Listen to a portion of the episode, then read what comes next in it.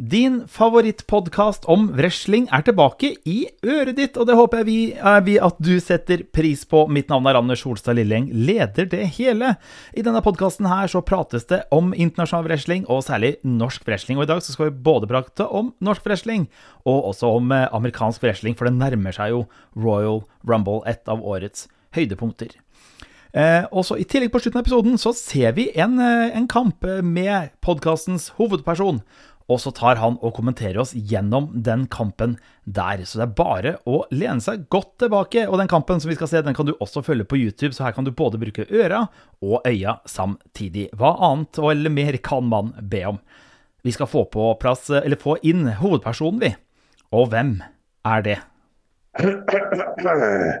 Mitt navn er Bjørn Sem. Jeg var kjent for å være den beste norske wrestleren gjennom tidene. For Bjørn var best, og jeg er Bjørn. Men jeg kommer til å gjøre comeback i løpet av 2024, og da kommer det igjen til å lyde i publikum. Fra ende av salen til den andre enden. Det kommer til å runge i veggene. Bjørn er best. Så Anders, takk for at vi har eh, denne podkasten gående. Og jeg er klar for å svare på ethvert wrestlingspørsmål. Det er bra. Du, Jeg tenkte vi skulle starte episoden med å gris, eh, gratulere eh, Grizzly Olsen. Jeg så på Facebook. Han tok NM-bronse i tungvekt i helga. NM-gull i lagkonkurransen eh, mot sportsklubben av 1909 og fikk også hederspris fra klubben. Det er jo eh, sumobryting eh, han har da holdt på med. Og nå ser det ut som at han gir seg, for han skriver 'hederspris fra klubben', ikke verst for en helt vanlig lørdag. Og med det kaller vi det en sumokarriere. Ja, og ikke bare det. Han fikk til og med også eh, bronse i eh, tungvekt. Så eh, eh, det var tre forskjellige eh, ærer som tiltraff Grizzly. Og jeg vet hvor tøff Grizzly er, så det er absolutt noe han eh, fortjener. Så gratulerer til Grizzly for en vel gjennomført sumokarriere, men jeg kjenner Grizzly veldig godt. Så jeg vet at tross at han gir seg som aktiv sumoutøver, så kommer han garantert til å fortsette innenfor sumomiljøet i forskjellige roller, bl.a. som eh, dommer, mistenker jeg, men han kommer garantert til å fortsette i eh, forskjellige roller innad i sumomiljøet. Eh, Grizzly er en stor og tøff mann, så eh, det skulle nesten vært på sin plass at jeg hadde vært der og sett hans siste sumomatch. Men du skal jo ikke se helt bort ifra at eh, eh dette etter hvert også kan dukke opp eh, på YouTube. Jeg vet ikke om det ble filmet, men eh, ja, siste kampen hans, det har jeg nesten lyst til å se, altså. Du, Vi har jo snakka om Grizzly før. Vi hadde jo en Grizzly Olsen eh, eh, for ikke lenge siden. Den finner du i podkastappen din, så har lyst til å høre på den. Men hva betydde Grizzly for norsk wrestling? Oi, oi, oi. Altså, Grizzly har vært der fra nesten første Han var der fra før Norges Wrestling forbund ble døpt, så var han og trente som trainee på skolen, eh, den norske wrestlingskolen. Han eh, gjennomgikk eh, mengder med, eh, med hardtrening for å komme seg til Danmark. For å trene i ring med oss andre og lære seg hvordan den eh, ringen skulle benyttes når vi kom til å eh, wrestle i ring. Og eh, jeg var den som poengterte ut at han bør være med på det aller første norske wrestlingshowet. Noe han var, i kamp mot akkurat meg. Grizzly har siden både foran og bak vært en drivende kraft i norsk wrestling. Han har hatt en mengde med fantastiske kamper. Han har vært en pådragsyter. Han har vært en, eh, en, en, en, moralsk støtte. Han har vært en eh, som har kjørt og eh, solgt show til forskjellige som har ønsket å kjøpe wrestlingshow her i Norge. Og han har også vært med og wrestlet internasjonalt, bl.a. mot meg i Spania, noe vi også har vært innom tidligere i eh, podkasten. Eh, han har gjort så mye i forhold til norsk wrestling. Etter hvert også sumo, men eh, han begynte nå med wrestling før han begynte med sumo. Og i det norske wrestlingmiljøet er han fremdeles svært aktiv. Nå som konferansier, nå som eh, fremdeles en rådgiver til yngre wrestlere backstage. Og eh, en som, eh, som inspirerer når han taler til de forskjellige wrestlerne. Og det gjør han med en enorm erfaring fra alt han har opplevd innad i wrestling. Eh, så ja, eh, Grizzly han har, eh, han har på alle måter vært en enormt stor del av Norges Wrestlingforbund og norsk wrestling til dit vi har eh, kommet den dag i dag. Så gratulerer til Grizzly eh, med eh, NM-bronse i tungvekt, NM-gull i lagkonkurransen og hederspris fra klubben, da som sumobryter. Du, rett før vi gikk, begynte å spille inn denne episoden her, Bjørn, så var jeg innom Facebook, og der så jeg følgende fra Norges Wrestlingforbund. Om ett år er det årets første wrestlingshow. Dette er mitt 14. år som wrestler. Blir det det siste? Og det er av Håvard Ryan. Håvard Ryan, hvem er det? Ja, eh, Håvard eh, Ryan er eh, shoot-navnet, eller det virkelige navnet, som eh, vi også kan si, på wrestleren Hannibal. Så eh, Hannibal eh, kontemplerer å gi seg. Jeg må personlig si det at Hannibal er jo en god del yngre enn meg. Og jeg, jeg, jeg tror og håper at Hannibal kommer til å fortsette å wrestle. Jeg vet av erfaring at han kjenner mye av det vi gjør i kroppen sin, det går utover enhver kropp. Men når kroppen er stor og tung, så går det langsiktig enda mer utover eh, den typen kropper. Jeg har en stor og tung kropp, han har en stor og tung kropp, og vi tåler ekstremt mye. Men langtidsfølgene av det er veldig mye smerte. Eh, jeg vet at Hannibal elsker wrestling. Det kan være at han kontemplerer det lite grann fordi han eh, føler på en måte at han er en av de mest erfarne gutta på nåværende tidspunkt, og det er han så definitivt. Men litt i likhet med meg, Erik Isaksen, Garm Støylen, og eh, han har sett en del gi seg, som f.eks. Grizzly, som f.eks. Gravali, og um, at han føler litt på årene akkurat nå.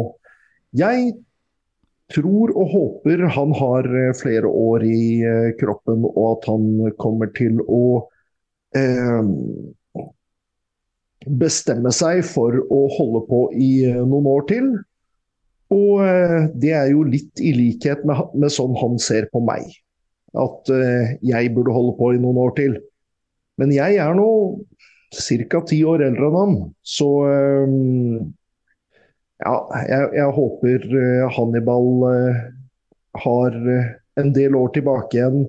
Og ja, det vil være et stort tap for norsk wrestling å tape Hannibal.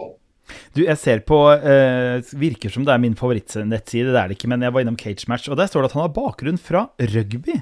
Hva, ja, det stemmer. Hva, hva, tror du han har tatt med seg fra det inn i wrestlingen? Eh, Hannibal han eh, informerte jo om eh, dette fra første stund, at han hadde en bakgrunn fra eh, rugby. Og eh, ikke bare har han en bakgrunn fra rugby, men han har en bakgrunn fra rugby i Australia. Hvor han var eh, toppidrettsutøver i rugby. Eh, han var en av en av de eh, mange på toppnivå eh, i verden. For Australia er, som de fleste som kjenner noe som helst til rugby, en av de landene som er på topp i rugby i verden. Og eh, Hannibal, han var, han var toppen av eh, toppen der. Og så, eh, etter hvert, når han bodde i Norge, så var det ikke et like høyt nivå på rugbyen her. Nå har jeg ikke dette direkte fra munnen hans, eh, dette er litt mer slik jeg leste situasjonen. Og øh, han ville drive med noe som var enda hardere, enda tøffere enn rugby. Og så var han også på noen norske wrestlingshow. Og da kom han tilfeldigvis akkurat på det Powerslam-showet hvor eh, overmakten eh, kjempet mot klovner i kamp. Og um, eh, Daniel Sebastian snudde seg eh, For Daniel Sebastian var eh, inne som spesialdommer i den kampen. En mann man kunne stole på. Så han snudde seg naturlig nok mot klovner i kamp og eh, satte håndjern på en av dem, eh, mens resten av oss eh, torturerte vedkommende. Eh, og eh, Hannibal syns at wrestling, det var det tøffeste som han kunne komme på å eh, drive med, og det hadde han jo helt rett i. Så han gikk inn på Eh, nettet og undersøkte for eh, Norges wrestlingskole, og eh, han, man må jo si at det har vært en enorm suksess. Han har vært eh, norgesmester i tag team et par ganger sammen med meg, og han har vært eh, norgesmester eh, alene et par ganger også. Og alt Altså, siden han nådde et nivå av erfaring, så har han ligget blant toppnivået på main eventer-status eh, i Jeg vil si ca. 11 eller 12 av de 14 årene han har holdt på. Mm. Så eh, ja, jeg har hatt eh, mine feider eh, sammen med og mot Hannibal og ja Vi har jo en, noe som heter æres... æresgalla hver gang vi har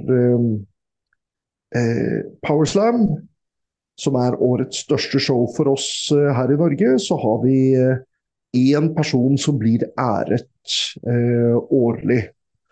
Og det er selvskrevent at Hannibal, når den tiden kommer en gang i fremtiden, kommer til å være en av de som blir spurt om han er villig til å innlemmes i Norges wrestlings æresgalleri.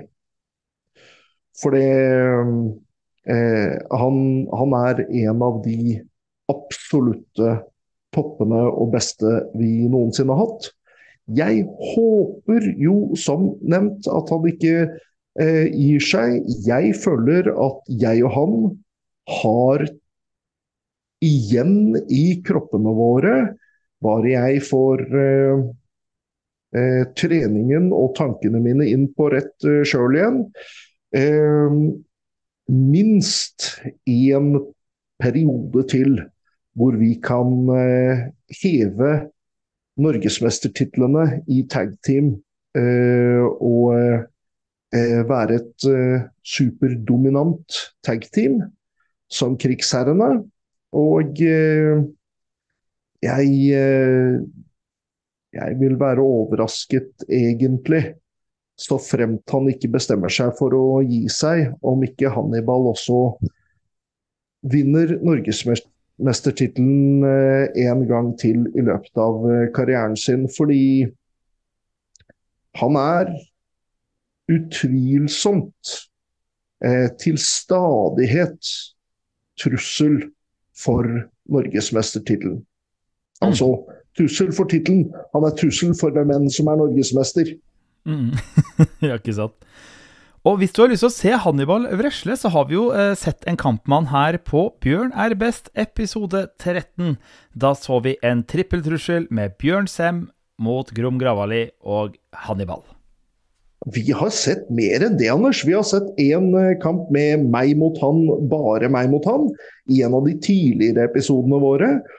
Og vi har til og med sett krigsherrene mot Gronknoke. Så her, Hannibal har vært en av de wrestlerne som har dukket opp i flest episoder her. Han har tre, eh, tre episoder der han har wrestlet, men han har også et par episoder hvor han rett og slett bare har vært innom i ringen.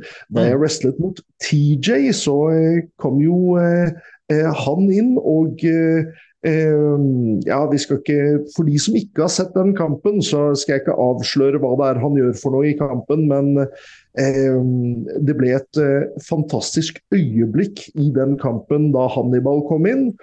Og eh, mot Daniel Sebastian, da jeg hadde én mot én-kampen der, så så vi også Hannibal reise seg i eh, publikum for å eh, stirre meg inn i øynene da jeg kom inn til ringen. Så det er det er helt åpenbart at det er masse historikk mellom akkurat Hannibal og uh, meg. Men jeg må nå si det at uh, Hannibal har jo ikke ene og alene hatt fantastiske kamper mot meg. Han har hatt fantastiske kamper mot generelt sett de han har gått mot. Hannibal mot uh, Garm Støylen uh, tilbake da Garm var norgesmester og uh, Hannibal var utfordrer. Det var en fantastisk kamp. den plukker jeg alltid frem, og jeg tror med høy konkurranse fra Garm mot Erik Isaksen, så er nok Garm sin beste match noensinne, i mine øyne. Fordi um, ja, den, den, den var fem stjerner pluss. Eh, og eh, Hannibal mot Espen Olsen, Hannibal mot TJ, Hannibal mot Gravali, Hannibal Hannibal har generelt sett hatt en mengde med fantastiske kamper. Du, hvis du vil se eh, disse kampene som da Bjørn nevner, så gå inn på YouTube, på kanalen til Bjørn Sem. Der finner du en spilleliste som heter da Bjørn er best. Og der legger vi ut eh, kampene etter hvert som vi da legger ut disse kampene som blir kommentert. Så der finner du kampene på eh, rad og rekke. Og hvis du lurer, hvis du er eh, utålmodig, så er det episode, eller kamp nummer fem. Det er Bjørn Sem mot Hannibal fra Powerslam 12. Eh, og så er det noe med blad her. Og så er det mm, Vi sa eh, kamp nummer 13, det var denne trippeltrusselen. Og så er det også eh, krigsherrene mot Gromknoke. Det er kamp nummer 17. Og så dukker han da altså opp et par kamper til. Så gå inn på YouTube, søk på Bjørn Sem, og der finner du en uh, spilleliste på YouTube som heter da Bjørn er best, hvor du finner kampene som vi har preka om her i podkasten. Ja, liker du wrestling, så er eh, det en mengde fantastiske kamper der. Spesielt i, i og for seg om du liker wrestlingstilen min. Og eh, som vi har nevnt, altså Den var jo best. Så det er jo eh, ikke noe spørsmål om saken. Dere bør like min wrestlingstil best. Men altså, jeg skal, jeg skal jo ikke trekke bort fra eh, fantastiske andre utøvere som har andre stiler enn eh, meg. Eh, vi har jo sett eh, sånn som f.eks. Adrian Storm, Og eh, Hannibal har en ganske lik stil som meg, så jeg skal ikke nevne han i dette åndedraget. Men eh, eh TJ har en fantastisk wrestlingstil, og eh, vi kan gå Altså Big John, for den saks skyld, som vi hittils bare har sett i én episode. Eh, ja, nei, det er, det er, mye kult å plukke av utover der. Og eh, i slutten av eh, programmet i dag så kommer vi til å gå til en ny match som eh, ikke har vært eh, lagt ut på YouTube tidligere, tror jeg. Mm. hvor eh, vi ser et fantastisk tag-team som var uovertruffende i sin tid. Som vi da kommer til å glede oss over å se på. Men dette er også en ganske så gammel kamp. Dette er en, en god stund siden. og eh, eh, så, så vi, har, vi, har, vi har gått eh, et stykke bakover i eh, tid for å finne denne kampen. Eller i og for seg. Den lå på eh, Wrecking Machine-DVD-en eh, min, som ble lagt ut til salg en gang i tiden. Den gang folk kjøpte DVD-er. Og Den kampen den finner du på YouTube, og vi skal også da kommentere denne kampen senere i sendinga. Du snakka litt om stiler, Bjørn, og jeg satt, ting jeg satt og tenkte på, for du har jo holdt på i over 20 år. Har du sett en, da, altså Fra da du begynte og når det da kom nye wreslere etter det, har du sett en endring i hvilke wreslere eller hvilke stiler nykommerne lar seg inspirere av? Eller er det liksom de gamle, stødige Brett Hart osv. hele tiden? Eller merker du liksom at det er en endring, at det er nyere wrestlere? Det er utvilsomt en endring, fordi um, de fleste nåværende traineer blir jo i stor grad imponert og inspirert av nåværende eh, wrestling. Men jeg må jo innrømme at på den tid jeg var wrestling-trainee, så hadde jeg ikke skjønt alt i verden, jeg heller. Så jeg lot meg også imponere over eh, de mest eh, eh iøynefallende eh, eh, kast og svev. de største øyeblikkene i form av hva vi kaller i bransjen spots. Altså ekstreme manøvre som ser enormt spektakulære ut. Men eh, som det er med wrestling, så er jo det historiefortelling. Og eh, hvis man eh, f.eks. Viser en film hvor man starter filmen med svære eksplosjoner. Og så viser man gjennom hele filmen ingen dialog, men bare svære eksplosjoner. Og så avslutter man filmen med en svær eksplosjon. Ja, da blir jo de eksplosjonene etter hvert ganske kjedelige. De eh, betyr ikke så mye lenger, selv om man skulle da late som det er en mengde mennesker som dør i den siste eksplosjonen eller noe sånt noe, det spiller på en måte ikke så stor rolle lenger. Men hvis man bruker filmen til å bygge opp karakterer og et plott som er spennende å følge med på og se på, og så en gang iblant får en overraskelse kanskje en liten eksplosjon her og en liten eksplosjon der. Og så helt på slutten så kommer det klimatiske. Eksplosjonen som da er større enn de tidligere eksplosjonene i, eh, i eh, filmen. Og eh, da med eh, livene til eh, de som man har begynt å bry seg om i løpet av filmen, som står på spill. Plutselig betyr den eksplosjonen kjempemye. Og eh, da jeg begynte som wrestler, så var jeg mer opptatt av at eh, alt, jeg, alt, jeg, gjorde skulle se spektakulært ut. Eh, alt eh, fra første øyeblikk. Og så mye, så mye, så mye som mulig. Mens etter hvert så skjønte jeg at jeg eh, burde legge mer vekt på at jeg legger det inn på riktig tidspunkt. Jeg forteller en historie, og eh, selv om alt jeg gjør skal være bra og skal være spennende, så, så bygger jeg opp mot et klimaks. Og jeg setter forskjellige øyeblikk i kampen som kan være vendingsøyeblikk eller spektakulære øyeblikk, men som ikke overgår følelsen man gir på slutten. Og følelsen den kan i og for seg være at det er en eh, teknisk eh, en teknisk roll-up som eh, blir seiersmanøveren.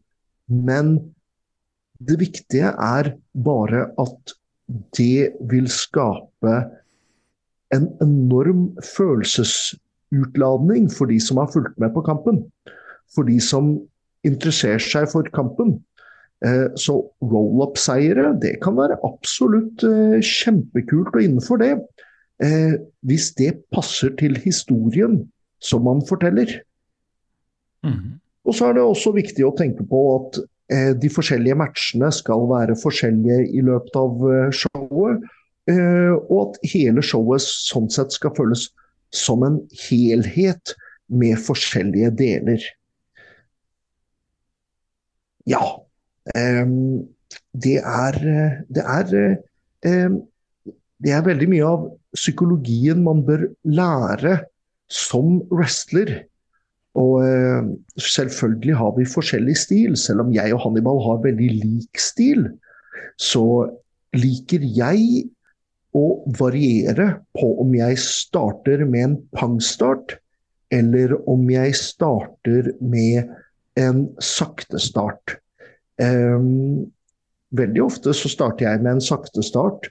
Eh, Hannibal liker aller best å starte med en pangstart, og så, og så sakke ned litt etterpå.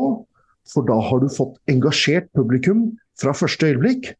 Og så eh, blir de med på historien fra øyeblikket de ble engasjert.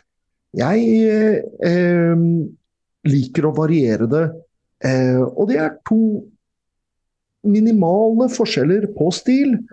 Men ja, jeg tenkte kanskje at det var greit å nevne. Du, en kamp som eh, alltid En, kamp jeg trodde at jeg hadde sett. Altså, jeg, min første wrestlingkamp som jeg husker, det var jo um, Hulk Hogan mot Ultimate Warrior fra WrestleMania 6. Så husker jeg særlig godt WrestleMania 7 med Hulk Hogan og Sergeant Slaughter og, og, Ultimate Warrior mot Macho King, som han da het da.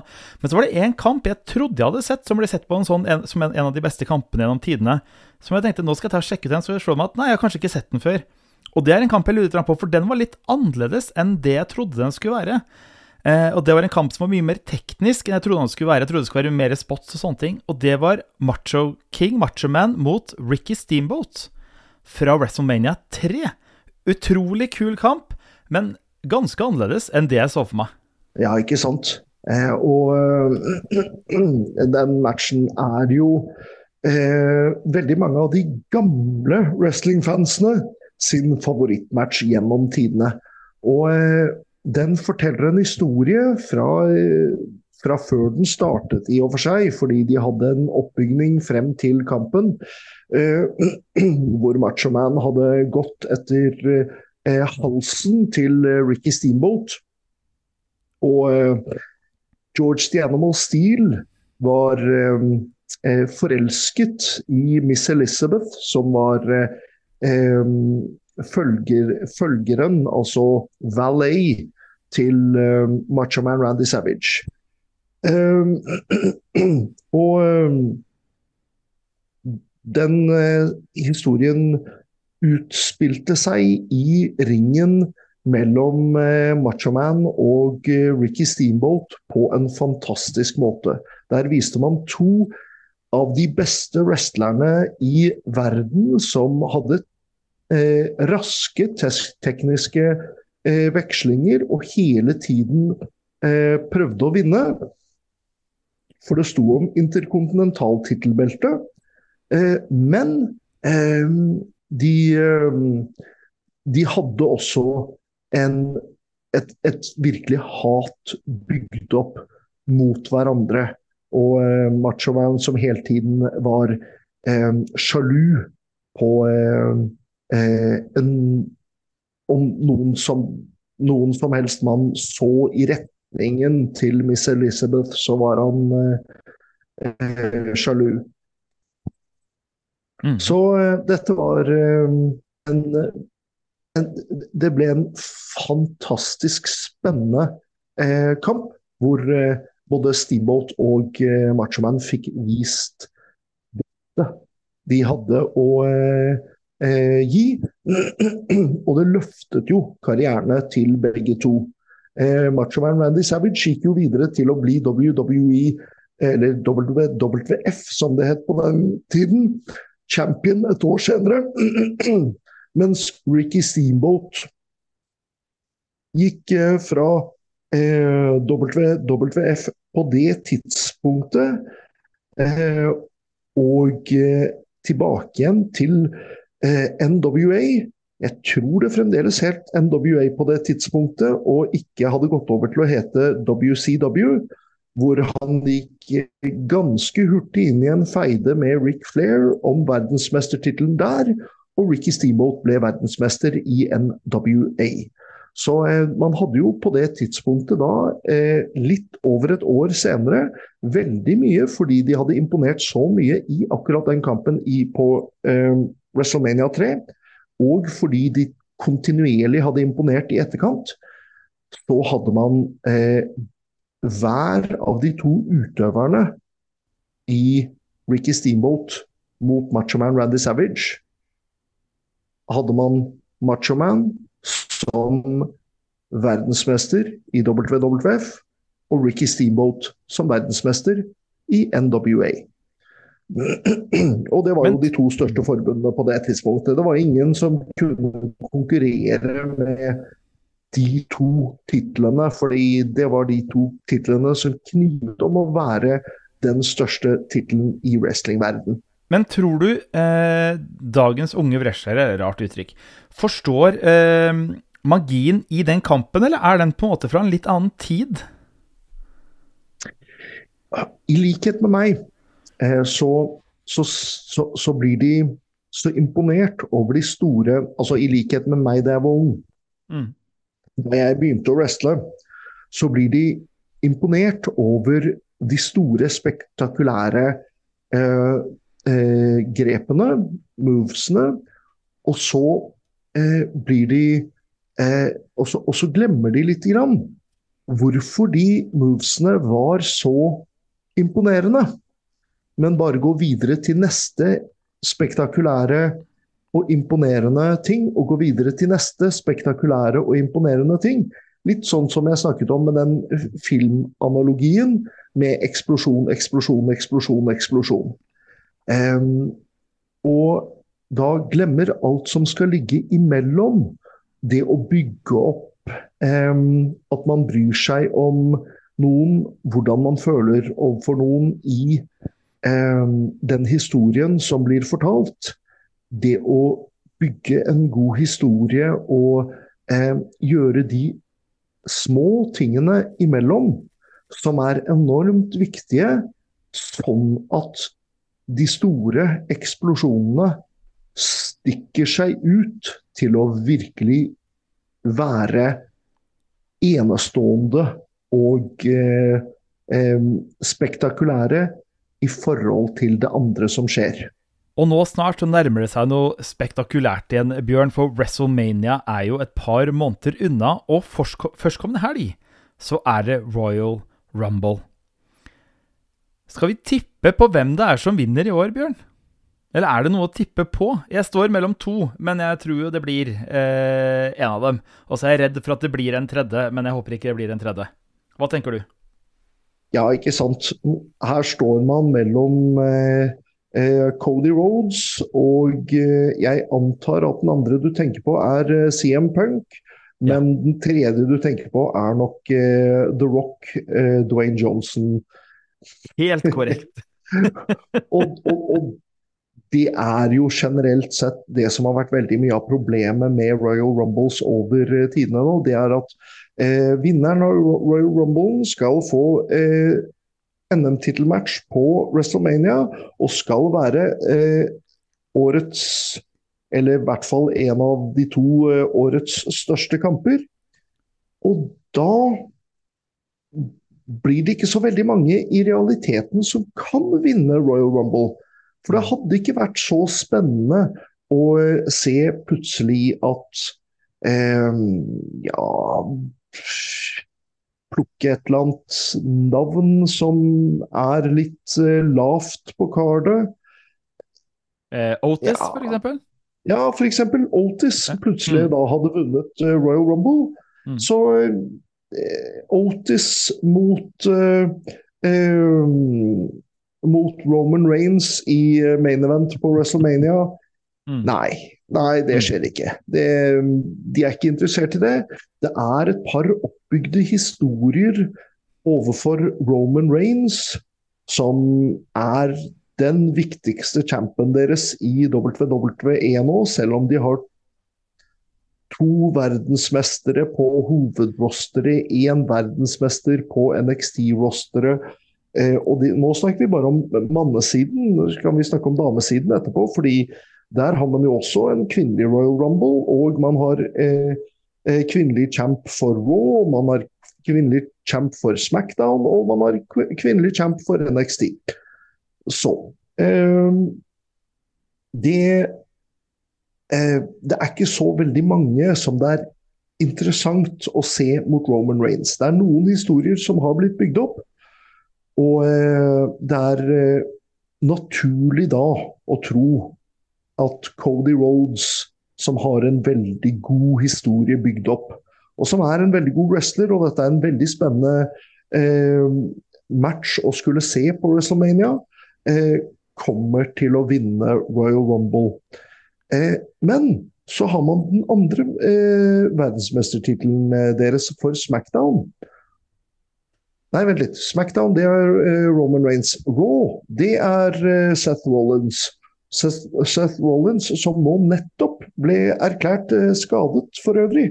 Så man håper virkelig at han er tilbake igjen til WrestleMania. Men han har jo gått i en sånn kampanje at han er der og forsvarer tittelen sin veldig ofte, i motsetning mm. til Roman Reigns. Så eh, det spørs om han, for å beholde da den samme auraen på det at han er the fighting champ, i det hele tatt kan holde tittelen sin frem til WrestleMania uten å forsvare den. Og hvis han ikke kan det, så må den nesten eh, frigis. Så da blir i så fall eh, Seth Rollins erstattet eh, på eh, WrestleMania. Og hvem det er som skal gå mot hvem enn som erstatter Seth Rollins som eh, champ, det er jo også noe man kan lure på. CM Punk mot Seth Rollins er i hvert fall bygd opp. og Det er derfor man tenker at CM Punk, som også nå er superpopulær i eh, WWE, og har gjort stort comeback etter alt kontroversielle i AEW, kommer til å kunne vinne Royal Rumble, og dermed ha eh, den tittelmatchen sin mot Seth Rollins. Dette er i og for seg også i virkeligheten to mennesker som ikke liker hverandre spesielt godt. Men det er også to profesjonelle, proffe wrestlere som da setter business foran det personlige. Og jeg tror jeg nevnte det da eh, CM Punk dukket opp på på um, Survivor Series. Mm. Ja. Uh, at det at Seth Rollins der gikk fullstendig amok, det fortalte meg at dette er et work. Han har fått vite det. Nesten ingen wrestlere fikk vite det, men han har fått vite det, og her er det en mulighet til å jobbe med um, CM Punk i en diger match. Mm. Og det er jo ikke en sjanse han ønsker å la gå fra seg, bare fordi han på et personlig nivå ikke har noe sans for CM Punk.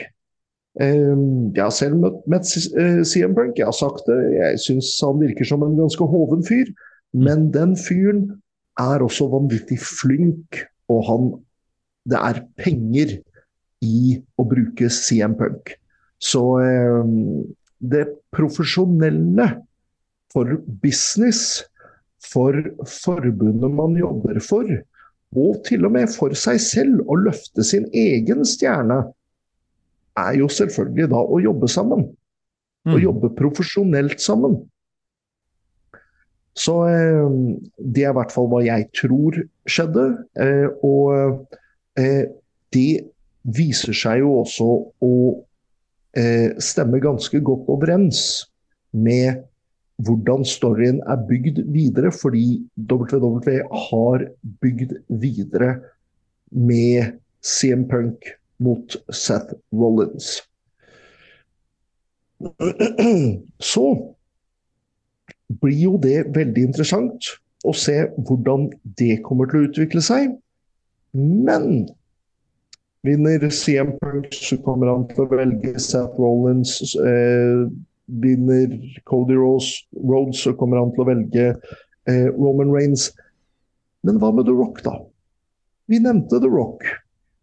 Og The Rock er jo i slekt med Roman Reigns. Og Roman Reigns han har jo kjørt en sånn eh, greie over lang, lang tid nå, hvor han er på en måte høvdingen i slekten. Han er the head of the table. Han eh, Alle de andre samoanske wrestlerne som er i slekt med ham, hvorav det er flere, skulle svare til ham. Og så har du The Rock, Dwayne Johnson, som faktisk er høvding i familien. Ved siden av det så er han jo en større stjerne på verdensbasis enn noen av de andre wrestlerne i WWE. Og han vil jo veldig gjerne også bidra både til WWE sin business, som løftet ham opp til å være stjerne, men også til familien sin, som han kan gjøre svært godt med å gjøre um, å, å, gjøre noe av dette her. Um, timingen er nesten litt interessant, fordi dette skjer jo i etterkant av streiken som eh, skuespillere hadde i Hollywood. Eh, så man skulle nesten tro det at han var del av WWE under streiken, men så eh, fant en måte å komme seg ut av det på etter streiken for å gjøre flere kjempestore filmer. For det gjorde jo John Sina. Han var vel i WWE fordi det var streik? Ja, det var akkurat det John Sina gjorde. Det er helt riktig.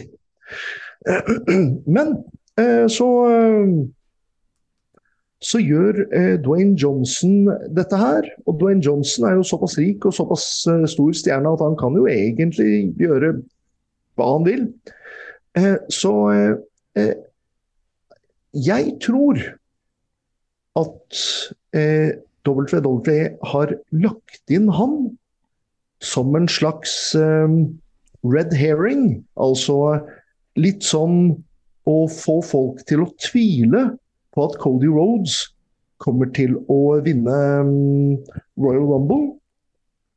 Og at Dwayne Johnson kommer til å eh, forsvinne eh, igjen Ehm, på et eller annet eh, tidspunkt, fordi han er jo interessert i å lage videre filmer.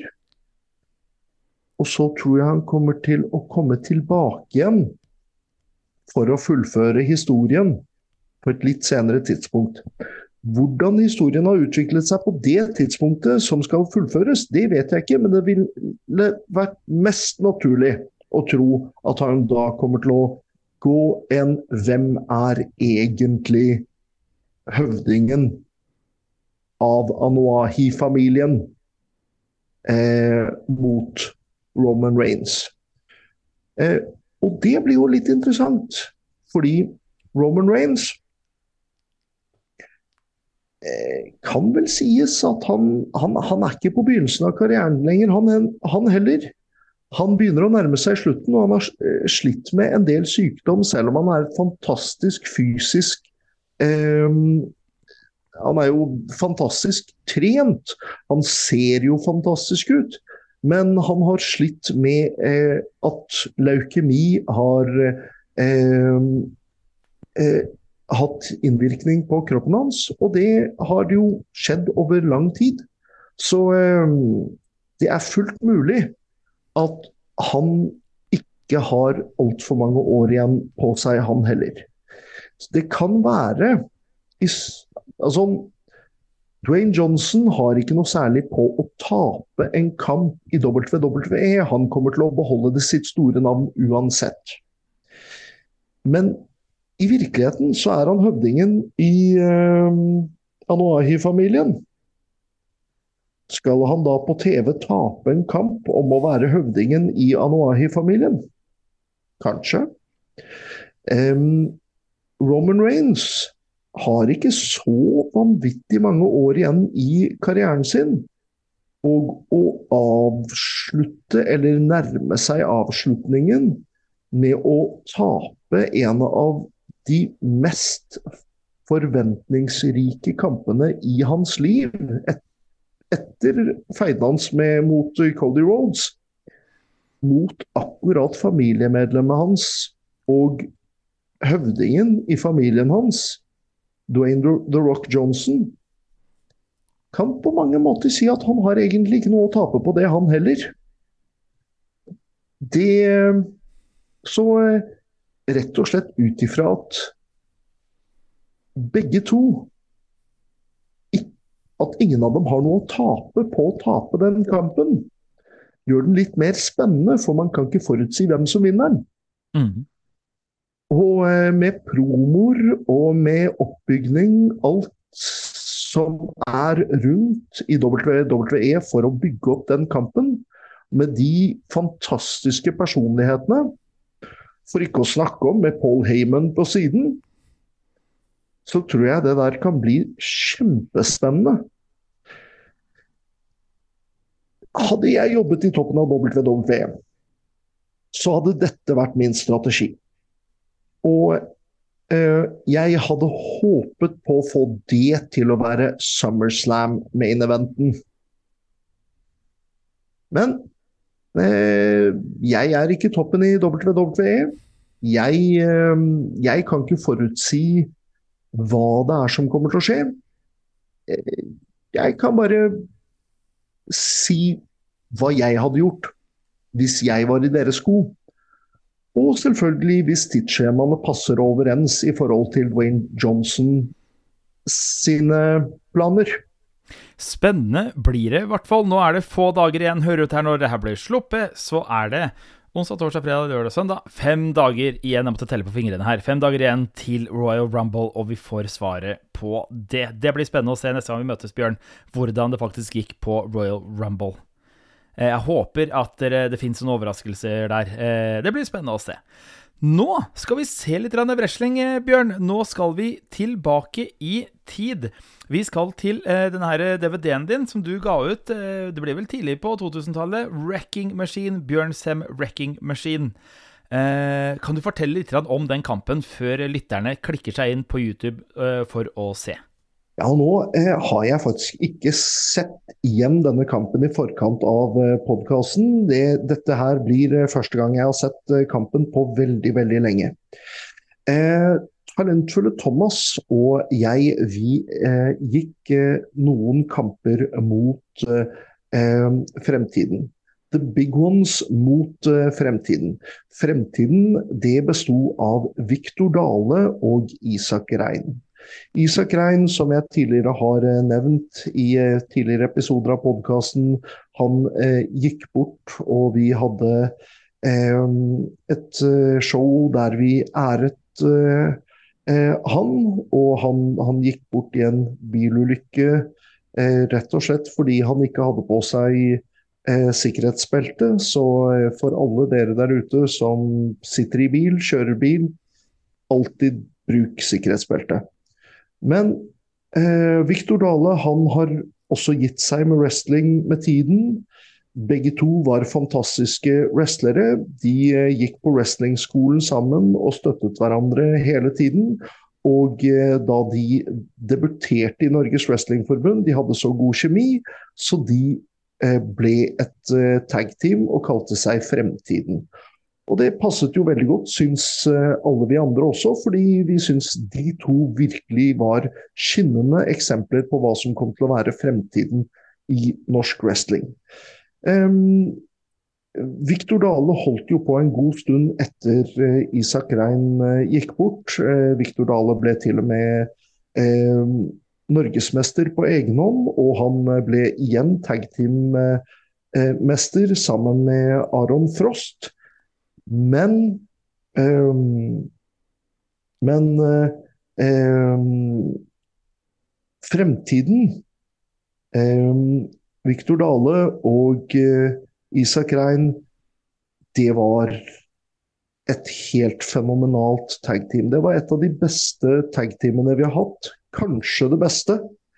Eh, litt vanskelig å si. Det, det er jo eh, litt eh, Det er litt uh, dumt av meg å si at uh, å nei, det, det, det, fin, det fantes tag-team som var bedre enn uh, krigsherrene. Men de hadde så annen stil. Deres stil var mye mer um, teknisk eh, bryting, Eh, mye mer De var fantastisk gode på showmanship også, men, men eh, rett og slett det med skarpe, kjappe manøvre, sånn som en f.eks. Brett Hart eller Mr. Perfect, Kurt Hennig, eller eh, Dean Melenko. Eh, ja, listen er jo selvfølgelig veldig lang av flinke tekniske wrestlere, men eh, jeg håper folk skjønner eller iallfall de som har sett på veldig lenge og vet hvem disse menneskene jeg snakker om er, skjønner hva jeg snakker om når jeg snakker om at det er skarpe eh, utførte teknikker. Og de var gode på å fortelle historie, og de var fantastiske på samarbeid. Eh, så eh, jeg og talentfulle Thomas vi var et nydelig tag-team, absolutt. Han er eh, liten, jeg er stor. Talentfulle Thomas hadde veldig mye samme stilen som det Eh, begge gutta i fremtiden eh, hadde. En eh, nydelig tekniker med veldig skarpe, skarpe grep. og jeg vi, vi, møtte hverandre, de to tag-teamene. Jeg tror vi hadde tre tag-team-matcher mot hverandre. Og to av dem var i turneringer over eh, NM-titlene. fordi hvert år har Norges Wrestlingforbund en eh, endagsturnering for NM Tag Team-titlene. Så de fristilles da hvert år for at vinnerne av den tag team-tittelturneringen eh, blir nye mestere, om ikke det er de regjerende mesterne som da går gjennom hele turneringen og vinner eh, tilbake titlene sine. Um, jeg, jeg, jeg, jeg, gleder meg til å se hvilken av de to kampene som dette her faktisk er. Eh, men jeg er helt overbevist om at den kommer til å være ekstremt kul. Eh, jeg, jeg, sa vi hadde tre kamper mot hverandre, men jeg vet at det ikke er den som vi hadde mot hverandre som ikke var på noen av NM-turneringene. Så Det blir spennende å se eh, hvilken av de to turneringskampene der. Og eh, det blir spennende å se kampen i sin helhet. Jeg savner Isak eh, Rein, og eh, jeg vil nå si det at eh, Viktor Dale var også et enormt bra tilskudd i eh, Norges Wrestlingforbund. Så eh, det blir gøy å si, se dem begge igjen, og det blir gøy å se mitt samarbeid med talentfulle Thomas igjen. For selv om jeg nå har skrytt veldig mye av fremtiden sine, sin evne til å samarbeide, som nok var den beste eh, evnen til å samarbeide av tag team i Norges Wrestlingforbund, så hadde jeg og talentfulle Thomas en veldig god kjemi, vi også. Så eh, dere får helt sikkert sett et par eh, tag team-samarbeid mellom meg og talentfulle Thomas også i løpet av den kommende kampen. Da gleder vi oss eh, til det, da. Du som hører på, du kan gå inn i episodebeskrivelsen. Der finner du Ukas kamp. Trykk på den lenken der. Du går inn på YouTube, sett lyden på null, sett videoen på null minutter og 00 sekunder. Og så skal jeg si tydelig ifra når du skal starte kampen. Da håper jeg du har YouTuben din klar på dagens kamp, som da er Viktor og Isak Fremtiden mot Bjørn Sem og talentfulle Thomas. Eh, du har satt eh, telleren på 0 minutter og 00 sekunder. Eh, og så har du også dempa lyden, for lyden den får du her i podkasten, så det er bare å nyte med lyden av på YouTube. Det jeg gjør da, er at jeg teller 3, 2, 1, play. Og på play så trykker du play. Da sier vi 3, 2, 1 Play. Her er vi tilbake i eh, Jeg titta litt muligens der i 2006 eller 2007, Bjørn. Ja, det stemmer. Jeg eh, tror vi er på Parkteatret her. Kan det stemme, mon tro? Det, eh, nå er det jo Cage Match som er min kilde, og det kan se ut som at det er på Parkteatret. Ja. ja. Mm. Og eh, der har vi eh, Isak Rein stående oppe på eh, andre repet. Og Viktor Dale som peiser frem og tilbake i ringen. Dommer Thomas ringer i bjella, og håret mitt er tydeligvis veldig fluffy denne dagen her. Fordi jeg har tydeligvis ikke fått noe, noe vann i det. Så viser jeg muskelmasse og eh, er litt stygg i eh, bevegelsene når eh, Viktor svarer med å gjøre det samme. Mm. Viktor prøver alt han kan, men er altfor liten i forhold til meg til å få noen særlig effekt av å choppe og kne meg. Så jeg bare slenger han inn i hjørnet der Isak befinner seg. Jeg er tydeligvis overlegen i eh, holdningen i denne kampen eh, her. Som tegner for meg at eh, det nok var meg og talentfulle Thomas som var hilene, eller de slemme, i kampen. Viktor har tagget inn Isak, som prøver å hoppe på meg fra topprepet med en crossbody. Og jeg svarer med å ta ham imot og gorilla-presse ham opp i luften. Så eh, eh, Jeg beveger meg med mening veldig sakte her, sånn at de andre skal se hurtigere ut, og jeg skal se enda større ut. Men det er nå sånn at jeg er diger, så jeg ser virkelig diger ut også.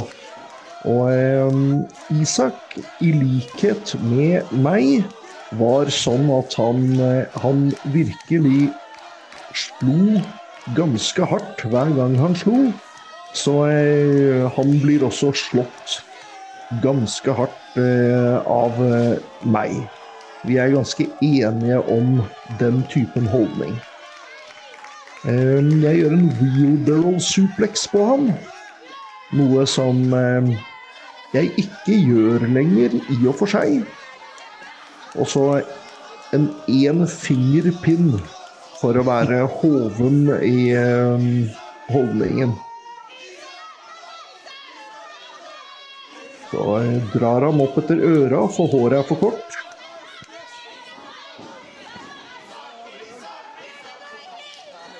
Da sender ham inn i hjørnet, tagger talentfulle Thomas inn, sender Thomas inn i Isak.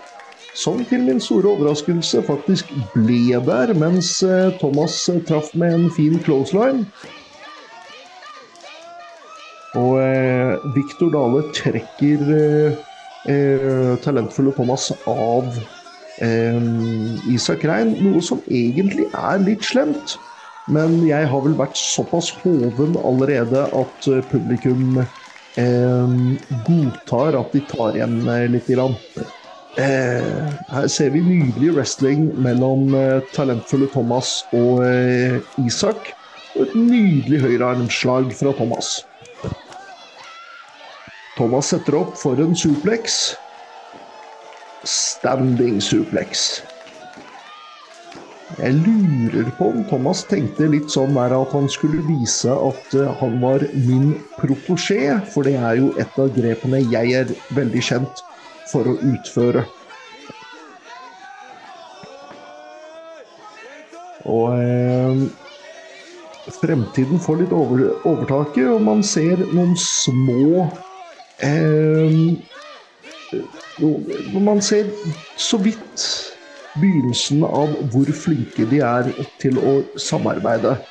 Bare et eh, lite eh, hold fra Viktor på Thomas og eh, spark fra eh, Eller var det hold fra Isak og spark fra Victor? Ja, ja. Spiller ingen rolle. Eh, Victor eh, jobber over eh, talentfulle Thomas eh, i hjørnet. Og de European uppercuttene, eller elbowene som de kalles i England, fra Victor som får hodet til eh, Thomas til å smelle bakover, eh, var han eh, veldig kjent for. Det var et av varemerkene hans.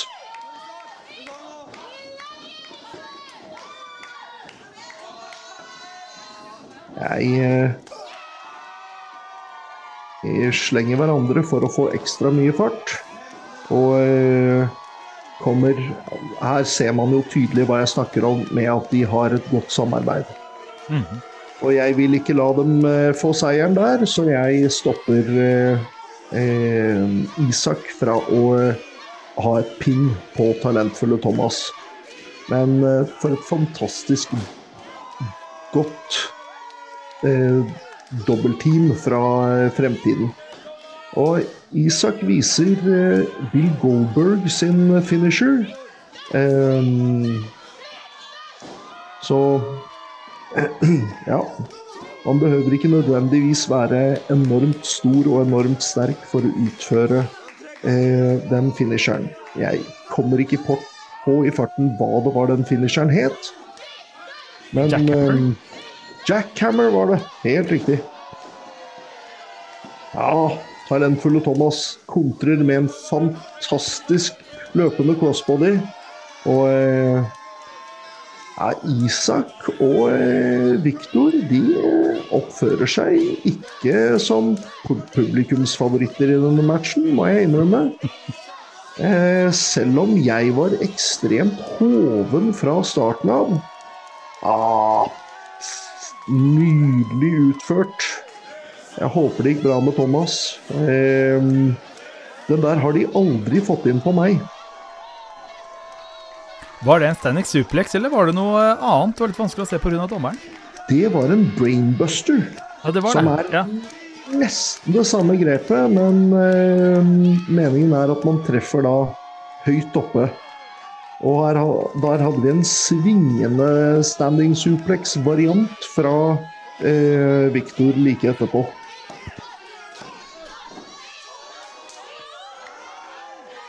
Og dytter inn i ansiktet til talentfulle Thomas under eh, pinnforsøket. Eh, det er masse sånne små detaljer som, eh, som er eh, vicious. Eh, som da fort blir oppfattet som slemme. Og talentfulle Thomas kommer seg unna mens Victor løper inn i eh, hjørnet, og så slenger eh, talentfulle Thomas en clothesline på eh, Isak. Men Thomas er såpass skadet, så han vet ikke helt hvilken vei han skal komme seg for å komme seg til meg for å få tagget, men der får han det til. Jeg kommer inn. Clothesline på Victor, clothesline på Isak. Bodyslam på Victor.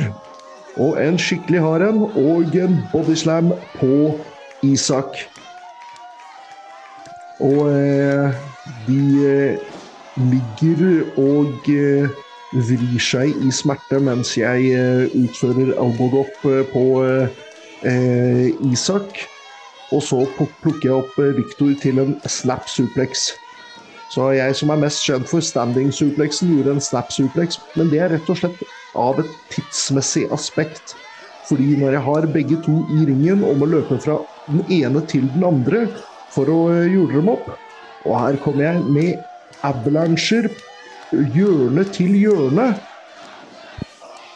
Og jeg løper den ene inn i den andre av Victor og Isak. Og så kommer jeg med en dobbel avalanche, men den flytter begge seg fra. Eh, og greier å utføre en double back suplex på meg. Og det så ut som det var så vidt de greide. Og her kommer begge to opp på, popprepet fra hver sin side. Og der ligger jeg og har vondt. Og eh, treffer en kombinert leg drop splash, som jeg sparker ut fra. Jeg får skulderen opp. Det var vel ikke helt eh, forventet fra eh, eh, verken av medlemmene i fremtiden. Og så bryr jeg meg ingenting om å få en av de fantastiske European uppercuttene til Victor. Og så er de to stykker mot meg. To på én. Nå burde dommeren ha fått en av dem ut av ringen, men det har vært så mye kamp involvert. Og talentfull Thomas tagger meg før de prøver å closeline meg over topprepet, men jeg er såpass utgått at jeg ligger under bunnrepet og faller ut av ringen. Der er ad futurum som de utfører på eh, talentfulle Thomas, og da blir det 1, 2, 3. Eh, Viktor Dale og Isak Rein, fremtiden, går videre i turneringen.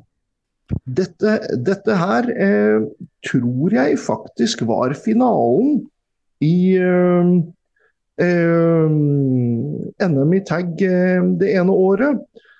Eh, fordi jeg eh, vet at neste år, da vi møtte dem i den ene semifinalen for NM i tag så eh, hadde jeg vondt i eh, kneet. Så det kan fort være at dette her faktisk var finalen det ene året. Eventuelt så ble det ikke tydelig at jeg hadde vondt i kneet her. fordi Ja, som sagt. I NM i tag to år på rad så eh, var det akkurat denne kombinasjonen av wrestlere som wrestlet eh, mot hverandre. Men det var bare det, det, første av de to årene det var eh, finalen. Andre året så var det semifinalen. Og så vant de da over superheltene Kaptein Knoke og Mystiske Roy i finalen, ifølge Cage Match. Ja, det, det stemmer også. Eh, og all ære til eh, Kaptein Knoke og Mystiske Roy. Men selv tør jeg påstå at eh, fremtiden mot The Big Ones var en enda bedre kamp. Mm. Um, det er jo litt eh, sånn kornete, det bildet um, vi fikk se nå. Men jeg håper likevel at uh, våre lyttere, skråstrek seere, koser seg med den fantastiske gode wrestling-action som foregår. Eh, det burde vært tydeligere hvem som var eh, Som ønsket å være publikumsfavoritter, og hvem som ikke var det. Men jeg må si det at når jeg titter tilbake igjen på denne matchen, så, eh, så blir jeg veldig glad over å se eh, hvor bra det var. Selv om jeg hadde det for meg, for jeg, jeg husker at jeg var fornøyd med de kampene. Og jeg har jo sett dem i etterkant, selv om det er lenge siden nå.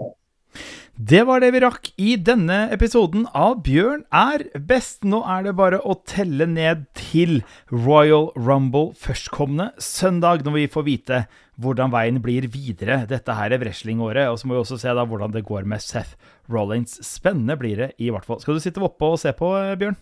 Godt spørsmål. Det har jeg ikke bestemt meg for ennå. Jeg må titte litt etter på hvordan eh, det ligger an for meg, hva jeg trenger å gjøre for noe på eh, søndag og mandag etterpå, men jeg kommer definitivt til å se Royal Rumble. Om jeg ser det på eh, natt til søndag, om jeg ser det på selve søndag, om jeg ser det på mandag eller tirsdag, det vet jeg ikke, men jeg kommer til å se den. Og eh, jeg har store forhåpninger, for jeg tror dette her kommer til å bli et kjempekult show. Jeg er ikke så opptatt av å se det direktesendt lenger som det jeg var da jeg var yngre. Um, men det beste er selvfølgelig å se ting live. Da må man jo se det direkte hvis man skal sitte i en av eh, publikumsplassene. Og det å se det live fra eh, å være publikum og til stede, det er en ubeskrivelig følelse eh, for å se kul wrestling. Og så får man i etterkant eh, kanskje sett det på eh, video med kommentatorer. Og da får man en litt ny opplevelse av det igjen. Så man kan faktisk nyte samme match som om det var første gang, to ganger. Nå ble jeg ordentlig glad inni meg, for nå gjorde de meg oppmerksom på at eh, Royal Rumble er jo selvfølgelig natt til søndag, ikke natt til mandag, norsk tid. Så da, eh, da kan man både være våken, eller man kan eh, ha fredagen fri, man, eller søndagen. Hvis man har fri på søndagen, så kan man nyte det på søndagen. Du, dette her var deilige nyheter. Eh, da kan man jo faktisk eh, Ja. Da kan man jo faktisk døgneholdt, det på å si. Du, dette her var ukas eh, Bjørn er best. Tusen takk for at du har hørt på. Husk å tipse venner og bekjente om denne podkasten, så folk som er glad i wrestling, eller folk du vil eh, overbevise om hvorfor wrestling betyr så mye for deg, da er det her podkasten du kan spille for dem. Sett den på i bilen, eller bare f.eks. plukk kommentatorsporet. Finn kampen, og så kan du da vise kampen og høre da hva det er som fascinerer deg. Da prekas vi igjen om en uke, Bjørn, og du skal få lov til å ta de avsluttende orda denne uka her. Mine damer og herrer. Jeg kommer ikke til å være i mennes Royal Rumble for WWE. Men det burde jeg vært. For jeg hadde gjort vei i vellinga der også. Dette er ikke til å trekke vekk fra de fantastiske wrestlerne WWE har, og jeg tror at eh, det kommer til å bli enormt spennende å se på Royal Rumble natt til søndag. Men jeg tror ikke det bare kommer til å bli enormt spennende å se på Royal Rumble for menn natt til søndag. Jeg tror det kommer til å bli råspennende å se Royal Rumble for kvinner natt til søndag. For det, disse to matchene kommer til å være på samme show. Og på Royal Rumble for kvinner så er det mye mer spenning. For det er mye flere som faktisk kan plutselig komme hen å vinne den kampen. De er råbra nivå på kvinnene i WWE om dagen. Dette kommer også til å bli kjempespennende. Jeg gleder meg til å se pay-per-viewet. Jeg gleder meg til neste podkastsending som vi skal lage. Og jeg gleder meg til å komme tilbake i ringen i 2024 og vise publikum Anders og deg at Bjørn er best. Og jeg er Bjørn. Og mitt navn er Anders Holstad Lilleng, og vi prekas.